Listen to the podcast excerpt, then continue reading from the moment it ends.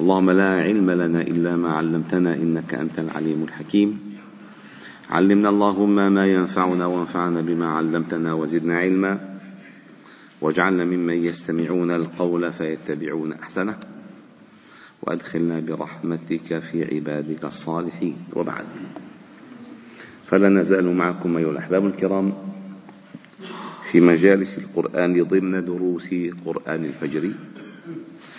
وقد وصلنا إلى آيات الطلاق وفي نهاياتها. من سورة البقرة هذه السورة التي بتم تعلمون أنها سورة كلها منافع. وكلها مفاتيح علم وتأسيس منهاج حياة تأسيس منهاج حياة مليء بالأمن والأمان والسعادة والاطمئنان. لأنه من يتعدى حدود الله فقد ظلم نفسه. مضبوط ولا لا؟ من يتعدى حدود الله فقد ظلم نفسه. فكلما كنت أنت في مراعاة لحدود الله فأنت في أمان. لأن الذي شرع هو العليم الحكيم. وبين آياته حتى يتفكر الإنسان في الدنيا والآخرة. حتى يتذكر الإنسان وحتى يعقل الإنسان. وقد ذكرت لكم أمس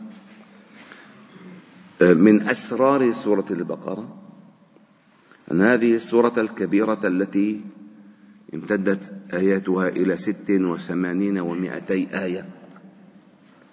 ذكرت فيها البقرة عدة مرات في قصة لا تتجاوز العشر آيات لا تتجاوز العشر آيات ولكن العبرة فيها إحياء القلب أيها الأحباب الكرام. القرآن إنما نزل لإحياء القلب. نزل به الروح الأمين على قلبك. القرآن شفاء القلب شفاء لما في الصدور. ودائما الإنسان إن فعل ما يحسن يطمئن قلبه وإن فعل ما يساء يغر صدره فالإثم ما حاك في صدرك وكرهت أن يطلع عليه الناس والبر ما اطمأنت إليه النفس. كلام جامع من النبي صلى الله عليه وسلم الذي أوتي من الكلم الجوامع. كلام جامع من النبي صلى الله عليه وسلم الذي آتاه الله تعالى من الكلم الجوامع. فعندما تنظر إلى هذه السورة وقصة البقرة خصوصا تدرك أهمية التفاعل مع آيات الله تعالى بأحكامه الشرعية. لأن الله كما قلت لكم أمس قال عن آه، بعض البقرة المذبوحة. أمرهم أن يضربوه ببعضها للميت الذي قتل ظلما تذكرون قصته. فضربت أو ضرب هذا الميت ببعض جزء هذه البقرة فأحياه الله. فقلنا اضربوه ببعضها كذلك يحيي الله الموتى ويريكم آياته يريكم آياته. لأن إذا أنتم أحيا الله قلبكم بهذا القرآن يريكم آياته لعلكم تعقلون. وإلا إن لم تنتفعوا بهذه المسائل ثم قست قلوبكم من بعد ذلك فهي كالحجارة أو أشد قسوة. هذه كل لب الموضوع هذه القضية. والآن عندما نتعرف أو عندما تعرفنا على قضايا الطلاق وعلمنا كيف اولا كيف يختار المرء زوجته؟ كيف يتعامل المرء مع زوجته؟ كيف لا يجعل الأيمان هو الحائل دونه ودون البر والصلح والخير مع زوجته؟ كيف لا ينبغي له أن يحلف على زوجته بغير الأيمان يعني؟ يحلف عليها أنه مثلا خلاص لن لن يقرب منها كذا كذا وكذا. كيف تأتي الأحكام؟ ثم كيف يكون الطلاق؟ وهنا أيها الأحبة الكرام هناك حديث جميل جدا.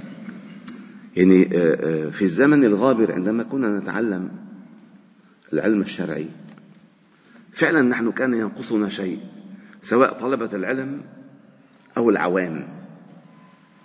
طلبة العلم أو الناس العاديين.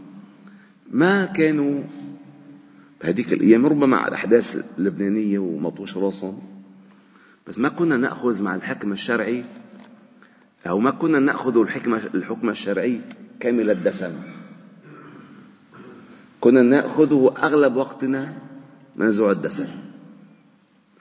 ناشف ناشف نحن نحتاج عندما نتعامل مع أحكام الشرع أن نأخذها بكامل دسمتها حتى نفقه ونفهم فعندما كنا نقرأ أو آه، نحفظ الحديث تبع العدة والحديث ابن عمر المشهور سأذكره لكم الآن.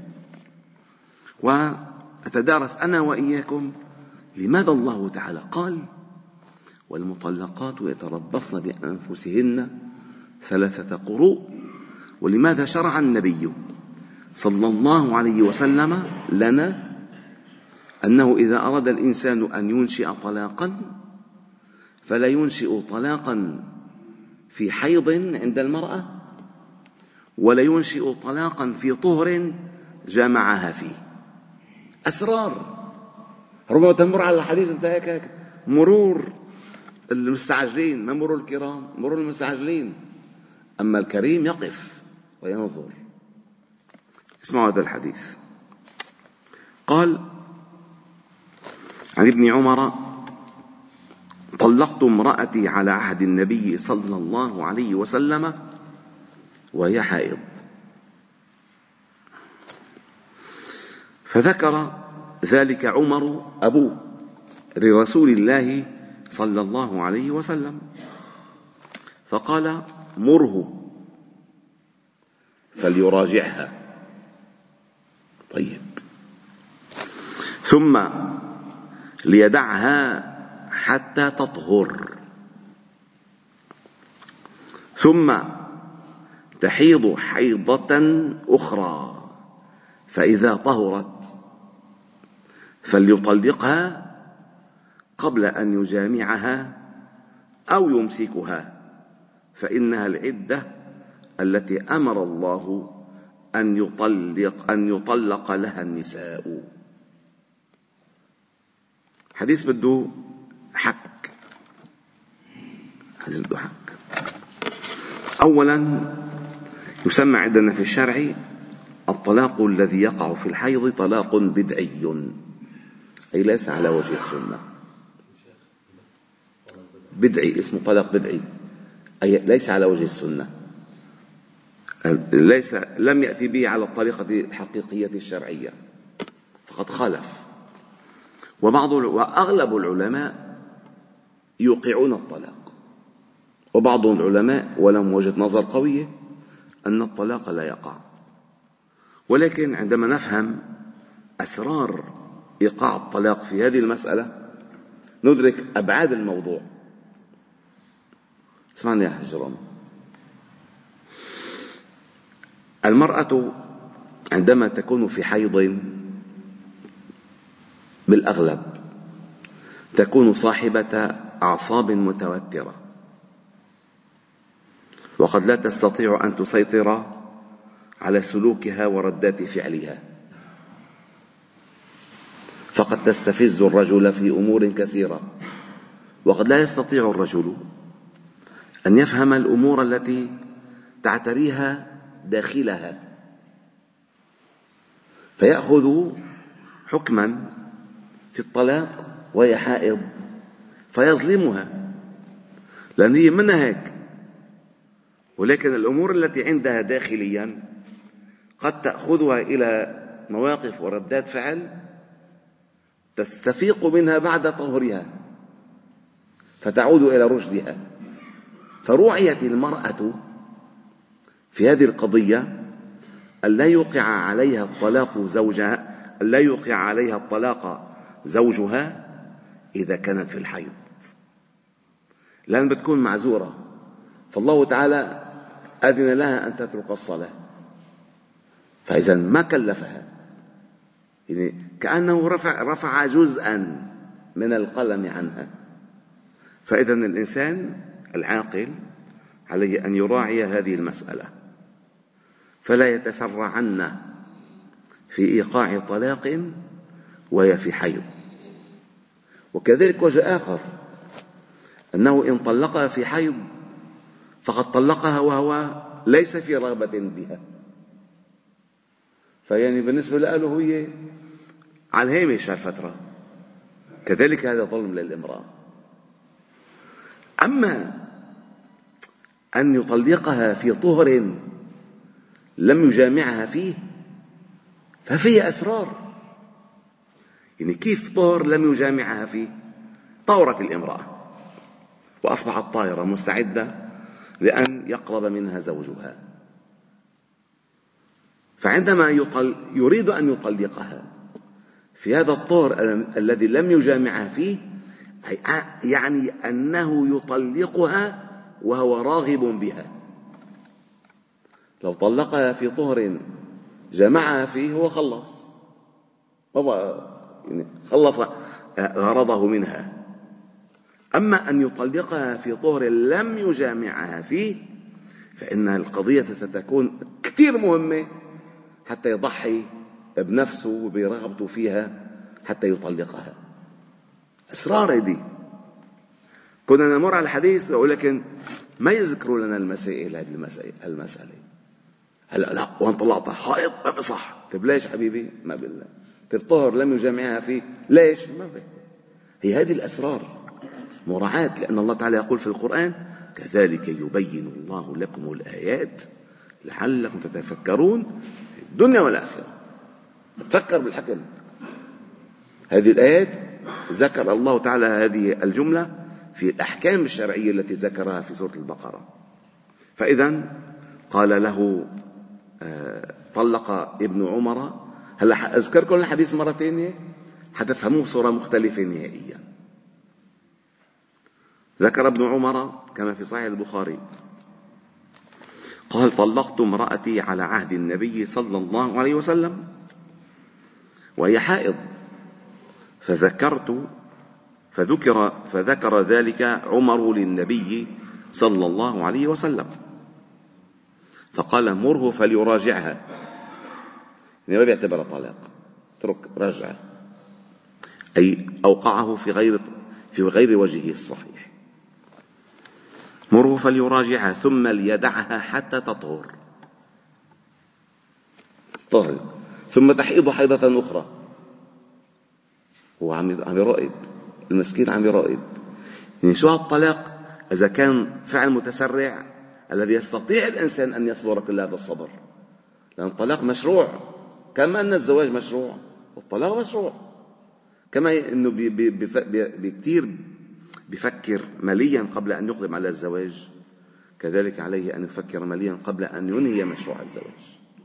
وهذه العدة للتفكير البطيء حتى يكون مستمهل في إيقاع ما هو حقه له. حقه ما هو حق له. في أن يوقع الطلاق. فلذلك قال مره فليراجعها ثم ليدعها حتى تطهر ثم تحيض حيضة أخرى. فإذا طهرت فليطلقها قبل أن يجامعها. هو ناطر المسكين. فقبل أن يجامعها يعني فعلا إخذ قرار حقيقي. أما إذا جامعها يعني هو في رغبة فيها. فبتنحل المسائل المسائل بتنحل صحيح ولا لا؟ أسرار دي أسرار قال مضبوط أساس رائد ولا لا؟ حكى حكم دي حكم. قال فليطلقها قبل أن يجامعها أو يمسكها. خلي عنده. فإنها العدة التي أمر الله أن يطلق لها النساء. روى البخاري. هذه العدة. فيستفاد من المسألة أن الطلاق هو ينبغي أن ينزه عن الاستعجال. فهو يأخذ, وقتا كافيا حتى يوقعه. وإن أوقعه فلا يصبح حقيقيا بائنا حتى تنتهي المرأة من ثلاثة قروء. فربما يراجعها. وربما يعني يتعد أكثر فأكثر. ففي إيقاع الطلاق مهلة وفي إبرام الطلاق مهلة أخرى. يعني حتى يكون الإنسان ما مستعجل. لأن كل الاستعجال بالزواج الاستعجال يعقبه ندم والاستعجال كذلك في الطلاق قد يعقبه ندم.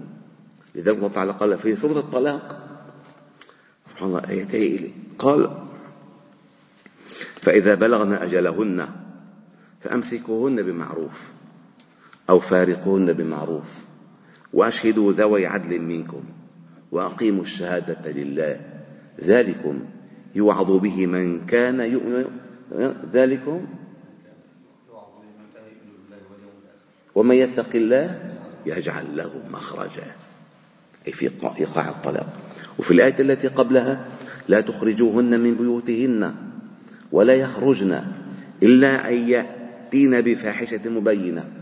وتلك حدود الله. فقد ظلم نفسه. لا تدري. لعل الله يحدث بعد ذلك أمرا. إذا المسألة ربما طول بالك رو رو رو. لا تدري. لعل الله يحدث بعد ذلك أمرا. وهذه هي الطلاق أو هذه العدة. هذه فقه العدة. فقه العدة المسألة. أنك لا تدري. لعل الله يحدث بعد ذلك أمرا والحمد لله رب العالمين. سبحانك وبحمدك أشهد أن لا إله إلا أنت نستغفرك ونتوب إليك. صل وسلم وبارك على محمد وعلى آله وأصحابه أجمعين. والحمد لله